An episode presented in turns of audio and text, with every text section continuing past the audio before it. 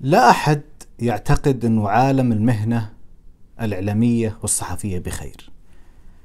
سواء الحاضر أو المستقبل بعد سطوة وسائل التواصل الاجتماعي التي غيرت قواعد اللعبة. ويعني أخذت قطاع كبير من الجمهور الذي يريد المعلومة السهلة وليس بالضرورة الموثوقة على هذه الوسائط آه، الإلكترونية. إذا سألتني شخصيا أنا أعتقد أن الصحافة يمكن أن تغير تقنياتها. هذا هو الأساس الذي تجري به المقادير في العالم ككل.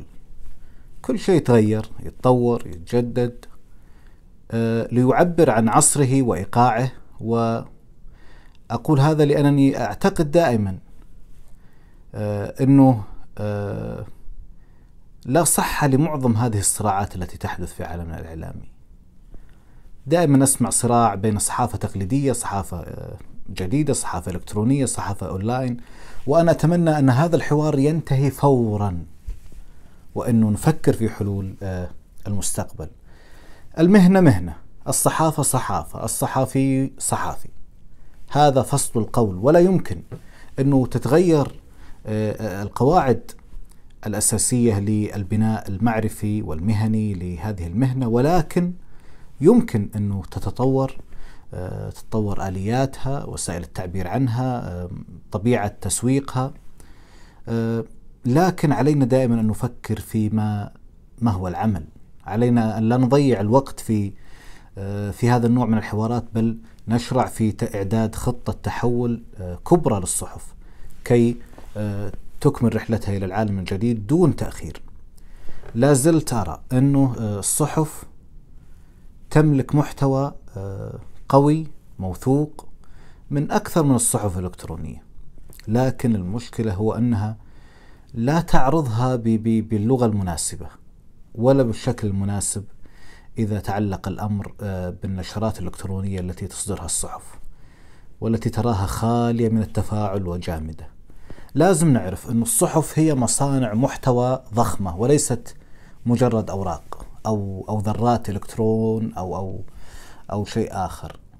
هذا الذي فهمته المؤسسات الإعلامية الكبرى في العالم وبهذا الفكرة تمكنت من أنه يعني تستفيد من محتواها تستفيد من تسويقه تعزز آه، ربحيته آه، للمؤسسة.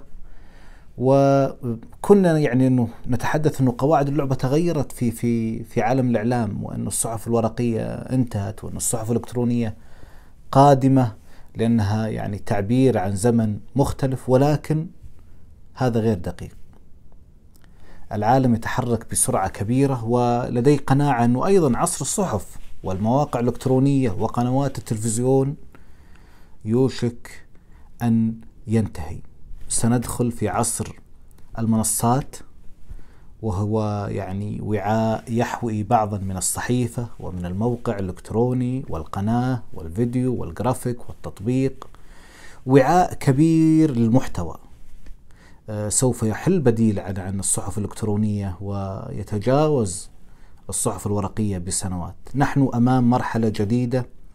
لا نحتاج أنه نغير نظرتنا للمهنة فحسب بل الصحفي الذي صورته مرحلة فكرية عربية معينة بأنه لابد يعني أن يكون دائما المناضل الناقد عدو السلطة. نحن بحاجة إلى مراجعة مثل هذه الأفكار. هذه الصورة قاتمة.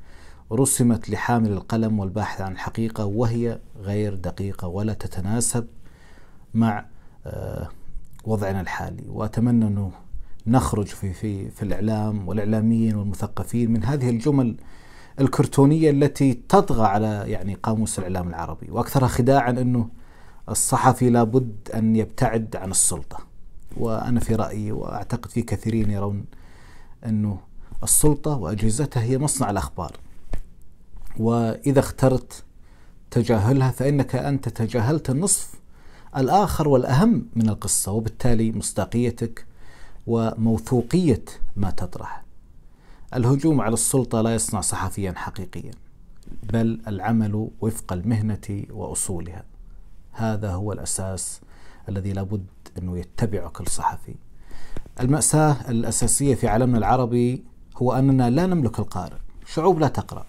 شعوب ليس لديها استعداد ل آه، للتقييم المالي للمعرفة المواطن ممكن يدفع مبلغ آه، من أجل أنه يضر نفسه بشراء آه، سجائر مضرة أو غيره لكن مستحيل أو من الصعوبة أنه يدفعها لقراءة كتاب أو شراء أو أو أو الاشتراك في في في صحيفة إلكترونية. إذا أردنا أن نستعد للمستقبل ونبقي هذه المهنة حية علينا أن نؤسس لقارئ الغد. وذلك عبر تنشيط صحافة الطفل في الصحف العربية.